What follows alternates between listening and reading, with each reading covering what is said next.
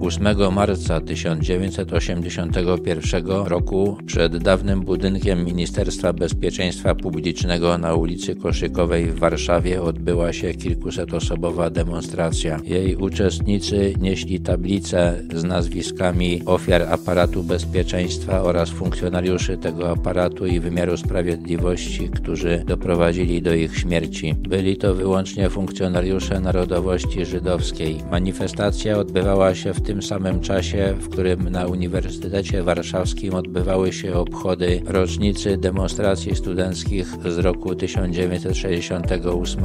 Uczestniczyli w nich m.in. zwolnieni po tych wydarzeniach z pracy profesor Zygmunt Bauman, w przeszłości oficer Korpusu Bezpieczeństwa Wewnętrznego walczący z podziemiem niepodległościowym i profesor Włodzimierz Brus, w przeszłości oficer polityczny Ludowego Wojska Polskiego i mąż prokurator Heleny Wolińskiej, oskarżającej wielu członków polskiego podziemia, m.in. generała Augusta Dorfanila. Uczestnicy demonstracji na ulicy Koszykowej przestrzegali przed zagrożeniem ze strony sił syjonistycznych w Solidarności, w tym szczególnie Jacka Kuronia, Adama Michnika i Bronisława Geremka. W ten sposób zainaugurowało swoją działalność Zjednoczenie Patriotyczne Grunwald, zorganizowane przez reżysera Bogdana Porębę. Do dziś nie wyjaśniono w pełni, kto inspirował powstanie tej organizacji. Popierała ją część wysokich dygnitarzy PZPR, takich jak Albin Siwak, Stefan Olszowski, Tadeusz Grabski, Stanisław Kociołek i Waleryna Miotkiewicz. Jej członkami było wielu emerytowanych oficerów Ludowego Wojska Polskiego i funkcjonariuszy milicji obywatelskiej. Należeli do niej też bezpartyjni, zwłaszcza katolicy o orientacji narodowej. Zjednoczenie poparło wprowadzenie stanu wojennego i nie zostało zawieszone. Po roku 1989